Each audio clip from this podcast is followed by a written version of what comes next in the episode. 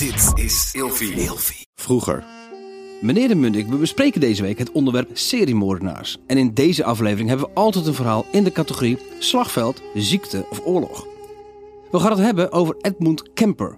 Hij heeft een IQ van 145 en zat in een psychiatrische inrichting vanaf zijn vijftiende. Geheel terecht ook. Vanaf toen hij vier was, begon hij al bizarre seksrituelen uit te voeren op de poppen van zijn zus. En hadden ze al een beetje door op school en thuis dat de jongen niet helemaal in orde was. Toen hij tien was, begroef hij de kat van het gezin levend en sneed daarna het hoofd van het dode huisdier af en zette het op een stok. Zijn moeder had toen door dat Edmund Kemper nou, een beetje een rare gozer was en hij moest vanaf dat moment slapen in de kelder. Want ze was bang dat hij zijn zus wat zou aandoen. Dat is ook wel kut natuurlijk. Ja, uiteindelijk kreeg hij ruzie met zijn oma en schoot haar dood met een jachtgeweer. Vervolgens schoot hij ook zijn opa dood, want hij wilde niet dat opa erachter kwam dat hij zijn vrouw had vermoord. Ja, dat is gelukt. Dat weet opa ook niet. Nee, weet opa ook niet. Dus ja, de het intellectuele daarachter snap ik heel goed. Ehm, deze 15-jarige jongen wordt door de politie opgepakt en opgesloten. Hij is zo intelligent en weet sociaal wenselijk antwoord te geven dat hij zijn psycholoog ervan overtuigt dat hij weer op vrije voeten wordt gesteld. Ja, want hij zat niet in een gevangenis, maar een psychiatrische Hij inrichting. zat in een psychiatrische Hij ziek. inrichting. Ja. Hij heeft maar zes jaar vastgezeten daar. Maar zes jaar trouwens. Hij heeft zes jaar daar vastgezeten. Nou, van twee moorden. Ja, en eh, hij wordt dus uiteindelijk vrijgelaten.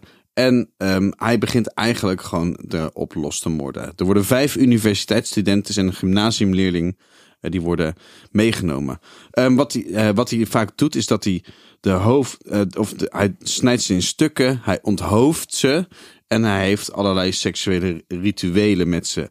Maar een van de meest bizarre dingen wat, wat we hebben gelezen over hem, is dat hij dus, ja, ehm, Zijn moeder doodsloeg met een Ja. hamer. ja.